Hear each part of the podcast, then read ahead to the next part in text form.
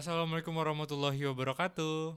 Waalaikumsalam warahmatullahi wabarakatuh. Senang sekali pada kesempatan hari ini kita sudah terhubung langsung oleh Dewi Lestari Amalia, salah satu kebanggaan orang Bulukumba nih yang sedang studi di Melbourne, Australia.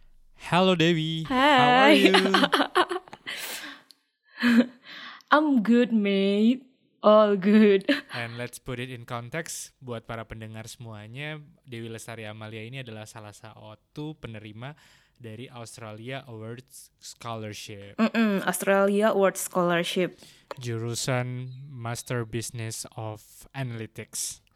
Iya, betul.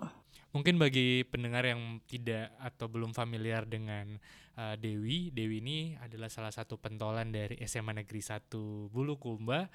Uh, kami sempat uh, beberapa kali bertemu di kompetisi karya ilmiah remaja dan waktu itu apa kita dulu ini tahu uh, penelitian tak Hmm, waktu itu saya yang ku bikin itu mm, pembuatan kayak minyak gitulah eh, bakal BBM tapi dari, Dari eh, jarak. ampas um, no it's not eh, apa sih namanya kelapa kayak parutan kelapa kulit kulit kelapa sama dibikin Hmm. briket juga eh, yang sisanya jadi kayak zero waste gitulah wow, tapi nggak tahu mak sekarang karena kayaknya sekarang banyak sekali nih teknologi yang lebih canggih dan kayak melenceng jauh sekali mak dari hal tersebut And karya ilmiah remaja was a big thing back then. Kayak waktu kita SMA tuh it is a really big deal.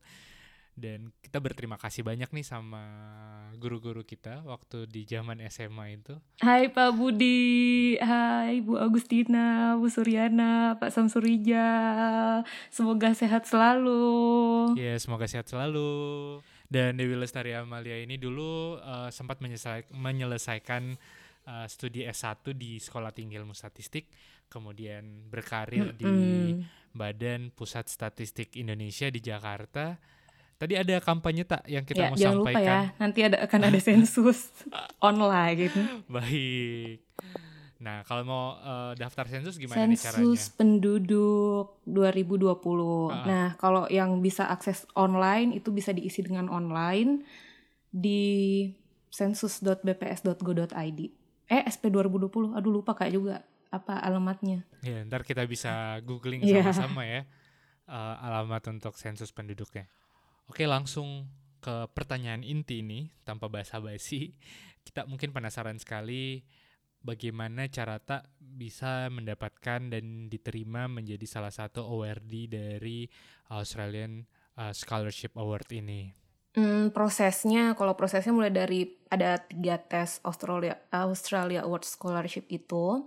Yang pertama eh, proses administrasi sama kayak eh, seleksi eh, apa ya namanya tuh motivation letter begitulah.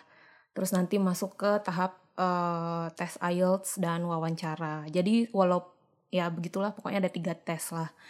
Terus kemarin itu dari sekitar 6 ribuan pendaftar terus yang lolos di jadi 250 lah penerima akhirnya.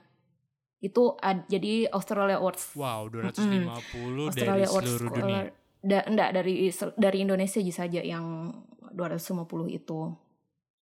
Kalau dari seluruh dunia ada juga sih. Jadi kayak Australia Awards Scholarship itu enggak hanya untuk orang Indonesia tapi uh, ada juga untuk negara-negara negara-negara berkembang lain ada di Afrika, ada yang dari negara Afrika, India, Sri Lanka, Nepal, Thailand, Laos, Filipina. Tapi kayaknya yang paling banyak awardingnya dari Indo sih. Dan 250 ini apakah semuanya studi di Monash University atau gimana? Oh, itu beda-beda tersebar. Jadi kayak bisa mau pilih universitas mana saja yang tersebar di Australia.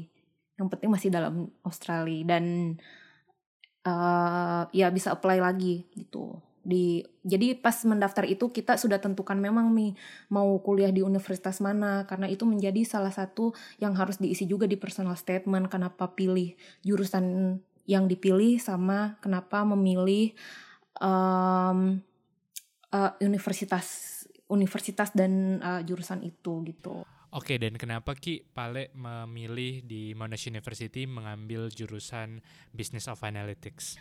Uh, kenapa pilih Monash? Karena yang pertama dia mata kuliahnya sesuai dengan yang ku cari, sesuai dengan yang kubutuhkan. Jadi Master of Business Analytics sebenarnya kayak banyak di uh, universitas lain juga.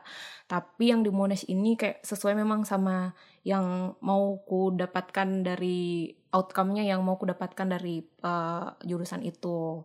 Jadi kan ada yang Master of Business Analytics itu yang beneran bisnis bisnis banget kayak segala-segala di dalamnya bisnis juga dipelajarin. Terus ada juga yang lebih ke information system, infrastructure dan segala macam, infrastructure of information. Nah, kalau di Monash ini dia kayak menggabungkan antara data science, econometric sama statistik. Jadi mm, intinya adalah uh, dia sesuai dengan yang ku mau uh, outcome dari dari si jurusan ini. Jadi penting sekali sebelum kita apply uh, kita sudah tahu in our mind outcome dari studi kita itu sebenarnya apa gitu ya. Betul. Dan ini studi uh, Master Business of Analytics ini akan kita jalani sampai berapa tahun? Hmm, ini dua tahun, dua tahun program. Mm -mm. Jadi selama dua tahun itu kita akan fully stay di Australia atau ada nanti kesempatan tak kembali ke Indonesia? Iya, izin sama si pemerintah Australia kan mereka yang kasih duit buat sekolah kan, jadi jadi tidak bisa gitu. pulang seenaknya mm -hmm. gitu ya. Wow, I get it. Iya, tapi sebenarnya bisa ji pulang kalau libur kayak terserah ji dan bahkan untuk tahun kedua kalau mau pulang ada namanya reuni reunion fee. Jadi dibayarkan ji kalau mau kayak pulang liburan ke Indo. Uh, jadi kita dibayar untuk mm -hmm. liburan dan pulang ke Indo. Wow. Dan dan tetap ji juga dapat uh, stipend segala macam walaupun kita pulang ke ke rumah. Jadi salah satu entitlement beasiswanya itu uh, apa namanya uh, pulang oh dan sebenarnya bisa juga kerja ada di, visa student untuk bisa dibiarkan di orang sambil kerja sambil kuliah sambil kerja dengan batas waktu 20 jam seminggu. Jadi bisa jadi orang kerja kayak 4 jam sehari atau pokoknya yang, yang penting kayak part time gitu ya. Uh, yang, yang penting ada lebih dari 20 jam seminggu. Tapi kira-kira ke depannya ini ada rencana tak untuk uh, kerja sambil studi atau fokus untuk studi saja? Hmm, kalau untuk semester ini kayaknya belum pindah karena kayak ndak ku tapi bagaimana pace-nya kuliahku karena sekarang kan baru kak matrikulasi. Jadi nanti pi di di semester kedua kayaknya baru kupertimbangkan untuk kerja. Tapi ngomong-ngomong nih, selama kita di Australia, uh, mungkin mulai makin merasakan ada sesuatu yang hilang kayak uh, suasana rumah ataupun mungkin makanan. Nah, kira-kira uh, pernah kayak merindukan makanan Indonesia selama di sana? Enggak sih, enggak banyak sekali jadi sini enggak pernah rindu sama masakan Indonesia karena basically tiap hari yang ku masak yang ku makan juga masakan Indonesia. Kayak gampang orang dapat nasi. Kayak even ada ikan ikan teri di sini. Ada ji kangkung. Jadi kayak semua bumbu-bumbu instan ada ji. Berarti yang dibutuhkan sekarang adalah kemampuan memasak ya. Iya betul kayak masak is essential skill. Dan untuk housing kita sekarang tinggal di uh, dormitory mahasiswa atau kita sewa sendiri rumah sekarang di sana? Bukan shared house. Shared house itu? Shared house kayak ngekos kayak itulah. Gimana? Oh kayak ngekos. Oh saya kira maki kayak di film-film gitu yang di dormitory. Yang seru banget. Ada juga memang yang uh, dorm di kampus sih tapi enggak enggak tinggal di kampus kak. Kenapa tidak karena lebih mahal. Hmm, mahal okay. sekali nah tinggal di kampus iyo. Persis yang ku baca memang kalau kuliah di luar negeri itu salah satu komponen biaya yang paling mahal adalah housing. Nah kalau misalnya di Australia sendiri bisa kayak cerita uh, di range berapa sih housing di sana? Housing itu di sini kayak yang standar itu 750-an per month. Australian dollar. Do, uh, Austral Australian dollar which is okay. itu kayak sekitar 7 jutaan lah itu yang standar. Dan ini di Clayton ya, maksudnya yang masih suburb kalau di city Nah, kalau di City itu kayak seribuan lah per paling murah seribu per bulan. Kalau Ya, dirupiahkan kalau dirupiahkan sekitar kayak sekitar 10 jutaan lah. 10 jutaan per bulan. Uh, lumayan ya. Tapi kan ini eh, kita semua dibayarkan toh. Iya, dibayarkan. Alhamdulillah. Kalau di Bulukumba itu dengan uang 10 juta per bulan kita sudah bisa hmm, kontrak rumah subsidi, 10 rumah subsidi. Karena kan sejuta ya sebulan. ya. Mahal Nah, sekali memang. Tapi penasaran Kak ini Wi dengan pengalaman tak memperkenalkan Bulukumba di kancah internasional. Pas perkenalan diri dan menyebutkan asal tak dari Bulukumba. Kira-kira ada ji orang yang langsung tahu oh dari Bulukumba. Enggak, bilang aja saja pasti bilang kak begini. "Ah, bulu kumba tapi nuto aja tuh bulu kumba di mana pernah aja kau dengar gitu. Tapi pasti tuh orang yang yang pernah dengar pasti kayak langsung nyina tahu. Oh Tanjung Bira ya. Tapi kalau orang yang enggak tahu bulu kumba tuh pasti kayak, "Hah, apaan itu kok aneh banget namanya." Apalagi kalau dia lihat nih nama kecamatannya Ujung Bulu. Nah, terus ada cerita tak yang sempat ketemu dengan orang Bulukumba selama di sana? Itu gimana ceritanya, Wi? Ah, jadi ah, ini si ibu ini dia lagi PhD, lagi ambil doktor di Monash juga. Terus karena ibu kosku orang Indonesia dipanggil lah makan malam si ibu ini. Terus karena ada pasca juga ada di situ, kenalan mak. Terus dia nanya, "Eh, Dewi dari mana? Terus aku bilang nih kerja di Jakarta tapi aslinya orang Sulsel. Terus gitu kan, terus aku bilang "Eh, eh, kalau kita tahu, eh, terus Sulselnya di mana? Terus bilang mak Bulukumba kita tahu jika pernah didengar. Terus kayak dia bilang mi, dia bilang ih terus bilang mi bilang ih nah saya orang Bulukumba aja juga langsung yang kayak bahasa Makassar kayak logat yang ih saya juga orang Bulukumba kak ya Allah kok bisa ketemu di sini bla bla bla bla bla Ternyata orang Bulukumba itu banyak ya di mana-mana dan berdiaspora. Wow, bangga deh Gitu. jadi orang Bulukumba. Oh ada lagi satu ku tahu Siapa nih siapa orang nih? Bulukumba ada lagi Di satu juga ku tahu orang Bulukumba di Den di Denmark lagi kuliah juga Di mana Ki kenal? ada kakak sepupuku Oh, kakak sepupu tak.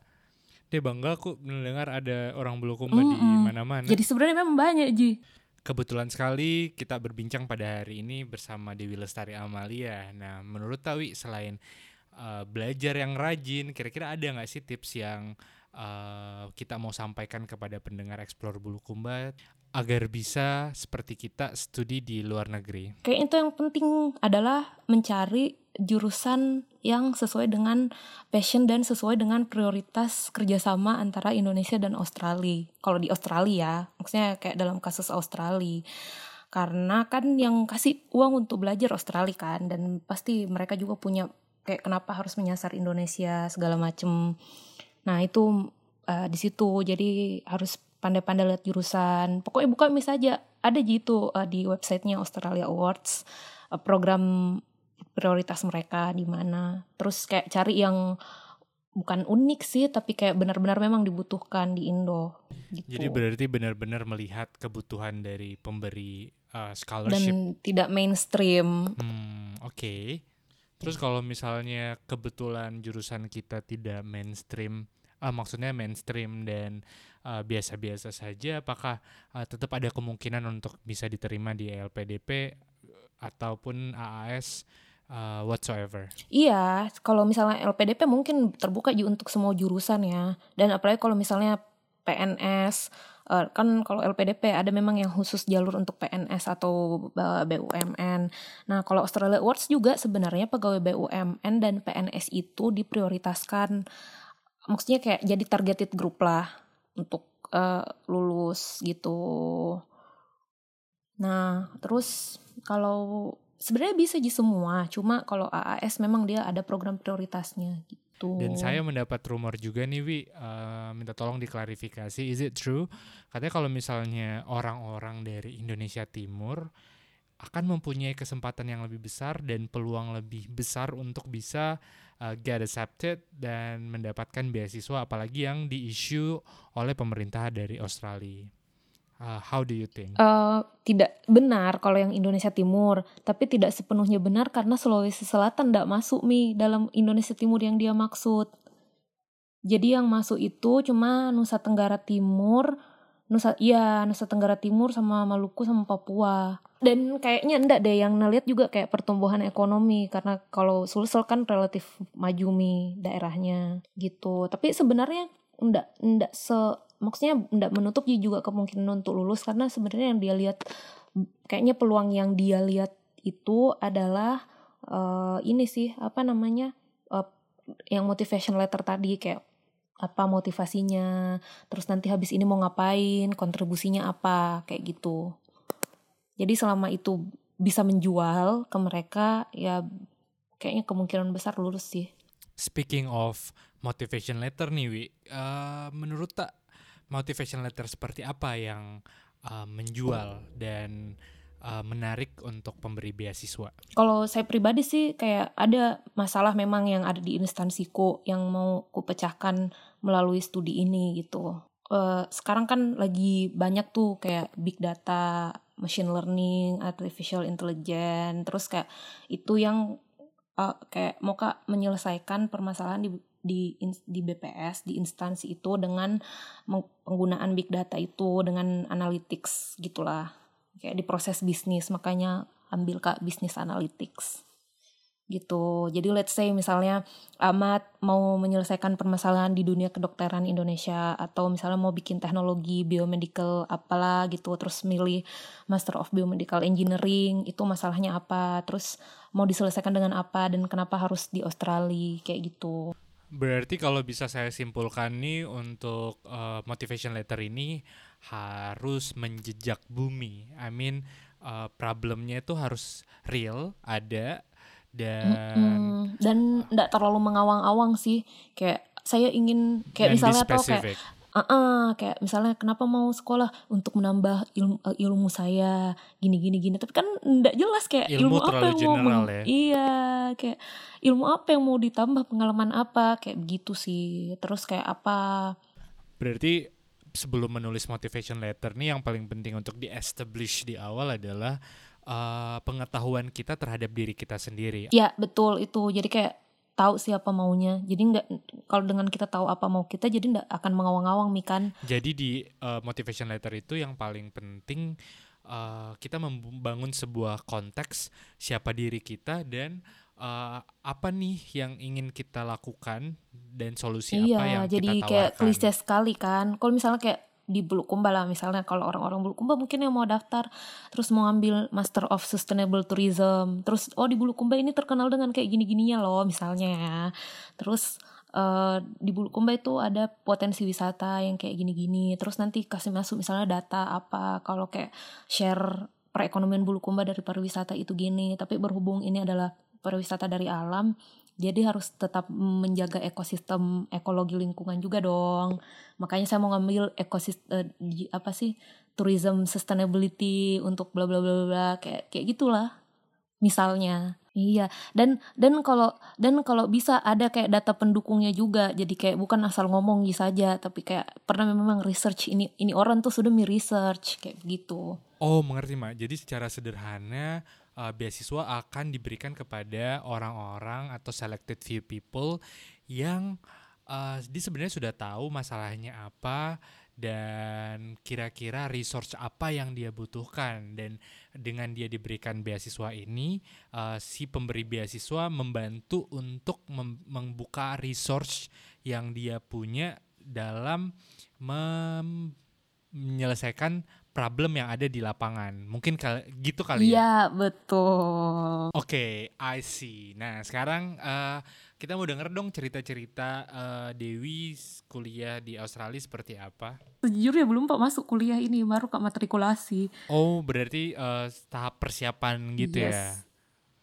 Boleh diberikan uh, pemahaman kepada pendengar matrikulasi itu hmm. seperti apa? Jadi matrikulasi itu kayak penyesuaian diri dengan iklim akademik di Australia. Karena kita kan sebagai mahasiswa internasional pasti belum paham kan. Kayak bagaimana sih sebenarnya cara berpikirnya ini orang-orang di sini? Nanti biar kul pas kuliah betulan dapat nilai bagus. Kayak gitu. Kan katanya siswa-siswa Asia itu terkenal dengan kayak bertele-tele kalau mengemukakan pendapat atau takut mengemukakan pendapat. Jadi kayak diajar ki. Bagaimana sih sebenarnya? Mengemukakan hmm, pendapat. ya terus to point terus bagaimana cara menulis esai. Karena di sini kan nanti kebanyakan tugasnya jadi esai kayak bagaimana mengeluarkan isi pikiran kita kayak kayak gitu sih. Wow terdengar tidak mudah. Kayak gitu. Dan ini tuh salah satu kalau nggak tahu ya kalau beasiswa lain kayaknya nggak dikasih deh fasilitas yang ikutan matrikulasi ini. Kalau AAS di di ini ditanggung gitu kan. Kita semua di Bulukumba uh, mendoakan semoga matrikulasi tak lancar dan perkuliahan tak pun juga lancar sampai kemudian selesai dan memberikan inspirasi tentunya kepada kita semua di sini yang sedang atau ingin merencanakan studi di luar negeri. Uh, kalau misalnya nanti kita mau tanya-tanya lebih lanjut mungkin boleh ya Wi uh, kita langsung kontak. Iya atau sebenarnya tidak menutup kemungkinan sih kayak mungkin orang-orang lain dari latar belakang pendidikan lain atau misalnya jurusan yang mau di, di ini terus mungkin mau daftar. Jadi kayaknya kayaknya mungkin bisa ja, uh, untuk membantu mereview uh, ininya esainya. Untuk masalah teknis sendiri uh, kira-kira skor bahasa Inggris yang harus dicapai uh, IELTS atau TOEFL yang harus dicapai untuk misalnya bisa diterima di program AAS ini seperti uh, apa? Uh, uh, jadi awal banget itu kalau AAS AAS mau diterima uh, nilai TOEFL TOEFL ITP ndak harus yang TOEFL IBT bisa dipakai itu dulu mendaftar. Terus nanti kalau misalnya lulus ke wawancara dia yang teskan ki IELTS. Jadi dia yang bayarkan ki jadi jadi ndak perlu ji lagi. Terus kalau IELTS-nya itu lima setengah. Dan kalau misalnya belum PIP kan universitas minta rata-ratanya enam setengah kan? Nah itu nanti kalau misalnya lulus mi AAS dan baru lima setengah nilainya nanti dikasih kursus ji lagi di Jakarta sampai enam setengah nilai IELTS-nya. Dan dibayarkan ji lagi tesnya untuk yang kedua. Deh totalnya di dalam iya, memberikan iya, total beasiswa. sekali. Uh -uh. Mm -mm. Jadi sebenarnya yang paling penting itu sih di di personal statement itu sih kayak di motivation letter. Jadi itu itu juga dan nilai kepemimpinan kayak gimana di? Kayak kalau pulang ini orang berguna jika ilmu yang dikasih kayak jangan sampai invest nih banyak-banyak terus kayak ndak ada gimana bikin kalau pulang? Kayak gitu. Jadi harus betulan di, diyakinkan kalau misalnya ada nih project yang mau dibikin loh kalau pulang dari sana ada loh impact yang mau dibawa gitu. Dan kayaknya semua beasiswa juga begitu jadi kayak walaupun LPDP juga pasti kayak begitu juga yang dia cari. Mencari uh, pribadi-pribadi uh, yang bisa memberikan manfaat ke sebanyak mungkin orang. Oke, okay, kita catat. Dan ada satu lagi nih yang lucu karena selama di Australia ki uh, katanya bukan Midewi nama tadi di sana diganti ke nama yang lebih international. Coba ceritakan gimana sih uh, ceritanya kita uh, ubah dan punya nama English name sekarang. Jadi tuh sebenarnya kalau orang yang bule-bule sini tuh yang white people, yang orang Australia asli, itu tuh kayak kayaknya familiar Mila. Karena kan di sini banyak juga orang Indonesia. Sebenarnya yang bermasalah memanggil namaku itu adalah orang-orang China Chinas dan mereka tuh banyak juga yang kuliah di sini. Dan bingung kita jadi karena mereka semua punya English name jadi ku ada juga English name ku bikin mak juga English name. You can call me D it's D E E D. or you can ya? kayak gitu. Kayak jijik jijik jadi aku ras kayak apa sih ku kasih nama baru diriku? Tapi ya demi kelancaran ya bo kelancaran networking. Pada padahal ganti nama itu harus kasih potong Iyo, kambing lah gitu. Potong harus kambing. Oke, okay, thank you so much Wi for your time. Sama-sama. Dan kita semua berdoa semoga uh, studi di Australia uh, lancar Amin. dan dirimu selama dua tahun di sana akan mendapatkan banyak sekali pengalaman yang bisa mendewasakan dan juga mungkin bisa dibawa pulang, dibagi dan berguna untuk uh, sesama. Amin. Dan terakhir nih, kira-kira ada nggak yang mau disampaikan ke Explore Bulukumba atau ke teman-teman pendengar Explore Bulukumba? Uh, semoga Explore Bulukumba bisa menjadi uh, guide guide guide guidance kita kalau misalnya mau ke Bulukumba. Terus uh, bisa memajukan usaha-usaha lokal seperti dengan programnya yang saat ini. Terus semoga lancar terus, semoga dengan comebacknya Explore Bulukumba, Bulukumba jadi lebih maju lagi. Amin. Ya comeback tuh. Benar benar. Pernah comeback. vakum kan? Pernah vakum. Terus apalagi di? Itu sih. Semoga kalau dengan adanya ekspor bulu kumba orang-orang nggak tahu misalnya ih apa itu bulu kumba? Hmm, ya apa betul, itu? betul, betul. terus enggak di, dengan adanya ekspor bulu kumba mereka tahu nih kalau nama kecamatan Cai Cak kelurahan Caile dan ujung bulu itu tidak malu-malu. Jadi kecamatan Caile Caile gitu ya. Ujung bulu. Dan ujung bulu kayak wow ujung bulu apa nih? Gitu ya. Yona deh kayak sampai tuh kadang-kadang kayak males kak kasih lihat KTP ku orang. Kalau lihat KTP ku orang tuh kayak dan ketawa kok pasti kayak merasa aneh itu. Jadi kayak oh Dewi yang dari kelurahan Cile iya. I see I see I get the point. Dan pendengar Explore Bulu Kumba terima kasih sekali kamu sudah mendengarkan uh, podcast ini kalau ada kritik dan saran, boleh kamu DM ataupun email kami di exploreblukumba@gmail.com. Saya Juanda pamit dan sebelum pamit ada satu lagu dari Isyana Sarasvati yang berjudul Sikap Duniawi. Lagu ini adalah lagu yang uh, di request langsung oleh Dewi Amalia untuk kamu dengarkan di podcast Explore Bulukumba. See you next episode. Bye bye.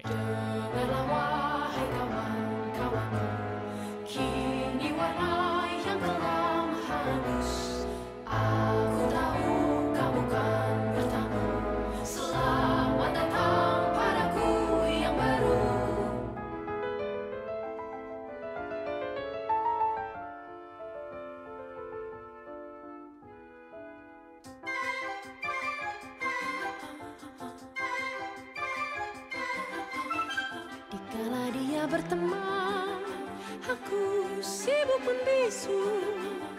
Dikala dia tertawa Aku berpikir masa depan Hidup hanya sekali saja.